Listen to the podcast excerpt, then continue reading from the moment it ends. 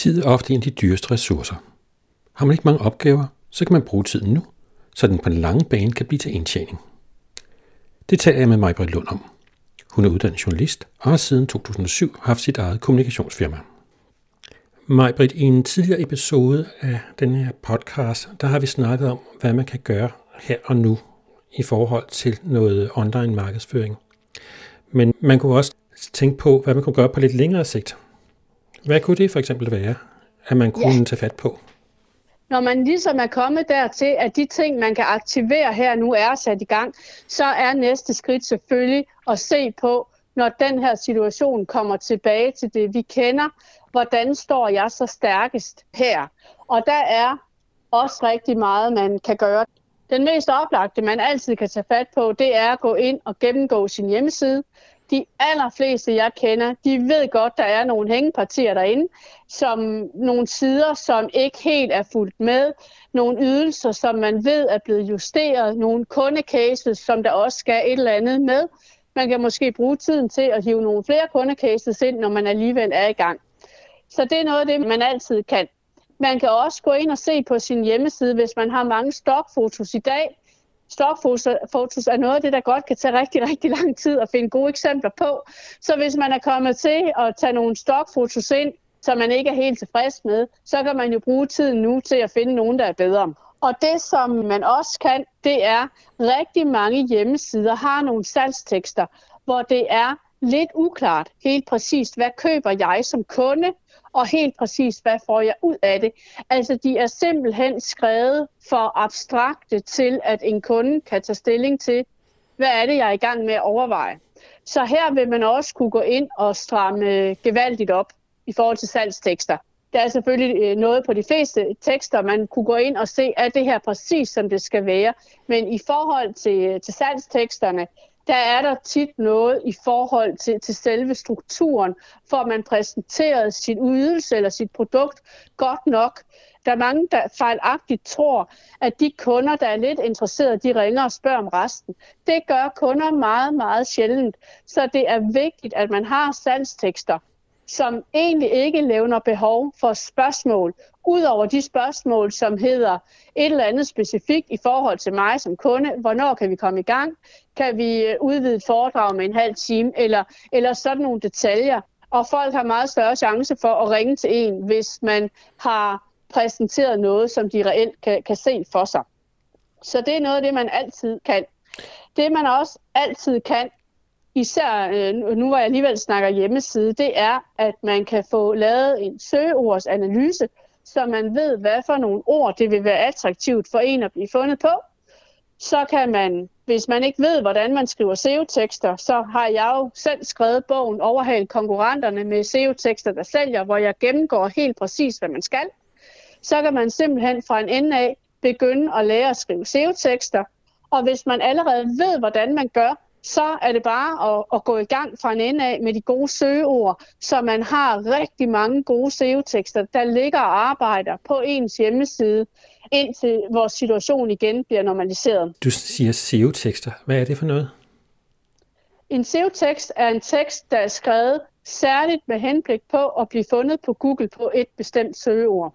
Men samtidig så er det først og fremmest den menneskelige læser, vi skal tænke på. Og så skal vi også tænke på at blive fundet på Google. Hvis vi skriver SEO-tekster, så er det selvfølgelig vigtigt, at vi også tænker på vores læser. Fordi der er ikke noget vundet ved at lægge højt på Google på en tekst, som menneskerne ikke agerer på. Så en god tekst til Google er også en god tekst til mennesker. Men teksten skal være skrevet på en bestemt måde, og der er en helt fast struktur. Og det er meget vigtigt, at man får lavet sin søgeordsanalyse godt, inden man begynder at skrive. Jeg har desværre set alt for mange eksempler på SEO-arbejde på nogle ord, som enten var det nogle dårlige søgeord, eller også så var der en SEO-strategi, som ikke var struktureret nok. Altså strukturen, den er meget, meget vigtig her. Men når man får styr på strukturen i forhold til sin SEO, så er der altså rigtig meget her, som bliver nemmere. Og det kunne man jo så passende bruge øh, de næste par uger på at blive rigtig, rigtig god til.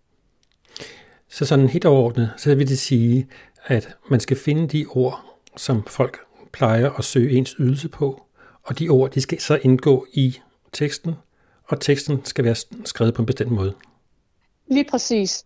Og rigtig tit, faktisk over halvdelen af de gange, folk de googler noget, så googler de ikke noget, de gerne vil købe, så googler de noget, de gerne vil vide. Og det er derfor, at det er så vigtigt, at vi får lavet søgeordsanalysen, øh, inden vi begynder at skrive. Fordi hvis folk er i gang med at google et eller andet, de gerne vil vide noget om, så skal vi jo møde dem der, hvor de er, og besvare deres spørgsmål. Så skal vi ikke begynde at sælge dem et eller andet, fordi så har vi jo ikke mødt dem og givet dem svar på det, de gerne vil. Nu snakkede du om salgstekster, som var uklare. Ja. Der kunne det vel være meget godt at slå sig sammen med nogle andre til at se på, om øh, en læser rent faktisk forstår det, eller det er kun den, der sidder med hjemmesiden, som forstår teksten. Det er en fremragende idé, og især nu, hvor, hvor mange sikkert har nogle gode netværkskontakter, som også arbejder lidt på samme måde, så kan man jo øh, aftale, at, at man øh, sender noget på mail til hinanden, og høre, hvad synes den anden. Man kan også gøre, som jeg har gjort med en kunde her i dag. Vi, vi mødtes på Skype, og vi skulle skrive en tekst sammen, og så delte jeg min skærm, og kunden kunne sidde og følge med i, hvad jeg skrev, og så sad vi og, og kommenterede og snakkede om det løbende, og jeg kunne stille øh, spørgsmål, mens jeg skrev. Den model kan man jo også sagtens øh, arbejde ud fra. Så kunne man jo også have nogle øh, blogindlæg og så videre, som man kunne tage fat på nu. Jamen lige præcis. Alle de øh, søgeord, der indikerer, at læserne er i gang med at opsøge viden, det er oplagt at skrive blogindlæg om dem, fordi det er jo ikke salgstekster, der er jo ikke nogen ydelse i dem. Der er rigtig, rigtig mange Google-søgninger, som begynder med, hvad er eller hvordan et eller andet. Og i de allerfleste brancher, jeg tror på min egen hjemmeside, måske der ligger en 15-20 blogindlæg eller mere, der hedder, hvad er alt muligt. Og så svarer jeg simpelthen på det. Og det vil man kunne i rigtig, rigtig mange brancher. Og man vil faktisk kunne det, og også rigtig opnå nogle rigtig gode resultater, fordi det, der ofte sker, da alting var, som det plejede at være, der skete der næsten altid det, at når en som jeg eller mine konkurrenter blev hyret til at skrive SEO-tekster, så bliver vi hyret til at skrive salgsteksterne, fordi det er dem, som der virkelig er penge i, eller hvor man kan se pengene i hvert fald. Og det betyder, at alle søgninger, som ikke inkluderer salg, altså alle hvad er søgningerne, dem bliver vi forholdsvis sjældent bedt om at skrive SEO-tekster til. Og derfor er der en helt anderledes, ikke aggressiv konkurrence på nogle af de her søgninger, så man vil faktisk på nogle af dem kunne opnå nogle ret hurtige resultater, fordi at de søgninger er konkurrenterne ikke begyndt på endnu. Og det kan jeg øvrigt også se i min egen branche, hvor man skulle tro med alle de SEO-konkurrenter, jeg har, at, at der var rigtig mange af dem, der også havde siddet og skrevet, hvad er blogindlæg eller vidensdelingsblogindlæg. Jeg er noget overrasket over, på hvilke attraktive søgeord jeg kan komme til at ligge på side 1 eller side 2 i løbet af ganske få dage, fordi jeg er jo i en branche, hvor der virkelig er konkurrence omkring de gode søgeord. Man kunne jo have et hul i sin øh, viden, og det kunne måske være tidspunktet for at tage fat på og få læst noget af alt det, som man ikke har fået læst tidligere. Det er fremragende at bruge tiden på noget. Den her situation, den er jo kommet bag på os alle sammen. Der var aldrig nogen, der ønskede, at vi skulle komme hertil. Men der, hvor vi kan forsøge at få det bedste ud af det, det er jo ved at stå så godt som muligt på den anden side. Og der ligger rigtig, rigtig meget, også gratis viden på nettet, som man kan øh, sætte sig ind i. Og det kan man jo lige så godt bruge den her tid på. Der er både alt det, man kan finde øh, ved at google, hvor der faktisk er rigtig meget gedin god viden. Der er også rigtig mange freebies på forskellige hjemmesider. Man kan jo bare google et emne, og så gå ind på alle de hjemmesider, der kommer op, og så sidde og hente e-bøger fra en ende af, begynde at læse dem. Man kan også gå ind og øh, hive fat i nogle af de e-kurser, man måske selv er kommet til at købe gennem tiden, og som man ikke øh, måske helt har nået at se færdig, eller man har måske set den på et tidspunkt, hvor man havde lidt for meget fokus på alt muligt andet, så man nåede ikke at få det gjort så grundigt, som man gerne ville. Det kan man også sagtens gøre nu. Eller et kursus, som man så for lang tid siden, og man ikke har set i fem år. Gå der ind og se det igen, og se, at der får jeg nye idéer nu. Man kan sige, den kostbarste ressource i dansk erhvervsliv plejer at være vores tid. Og lige nu er der jo mange mennesker, som har fået umanerligt meget mere tid, end de nogensinde havde drømt om, og den kan vi jo lige så godt få brugt på noget fornuftigt, og det kan jo være ganske udmærket at gense et godt kursus. Der er også øh, alle mulige e-bøger, også betalte e-bøger, som man også sagtens kan sætte sig ned og læse. Og det, som man også kan, nu hvor jeg siger bog, det er, rigtig mange har jo en øh, bogidé i maven selv, og hvis vi alligevel er gået ind i de langsigtede investeringer i forhold til, hvad man bruger sin tid på, så kan det jo godt være, at man kan nå faktisk at skrive en hel bog færdig, alt efter hvor lang tid det her var. Og hvis man har brugt den her utilsigtede situation på at få skrevet en bog, som man måske ellers aldrig ville have skrevet, så har man jo virkelig formået at udnytte den her tid optimalt. En anden ting, som man også kan gøre, det er så måske den noget mere, mindre faglige afdeling.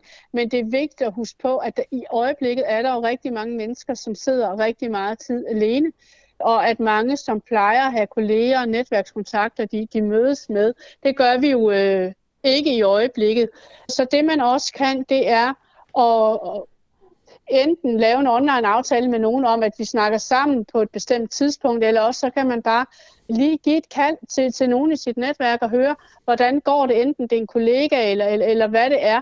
Fordi der kommer jo en tid på den anden side, vi skal ud og samarbejde igen, og der er jo ikke nogen grund til, at vores kontakt med hinanden kun foregår online, selvom det gør den rigtig meget i øjeblikket. Vi plejer jo at supplere vores online-kontakt med nogle gange også at mødes med mennesker, og det kan vi sagtens gøre via Skype. Jeg er meget overrasket over, hvor, hvor godt tingene egentlig fungerer Skype-mæssigt også, at man kan jo faktisk, selvom det plejer man ikke at sidde og spise frokost sammen, hvor man kan se hinanden på Skype, men hvis man er solo-selvstændig og har mange solo-selvstændige netværkkontakter, så kunne det faktisk være en rigtig god ting, også for at, at komme igennem og, og holde den gode energi og, og sørge for at have de her sociale stunder i, i løbet af en dag, så, så det hele ikke kun er det, vi ser på de sociale medier.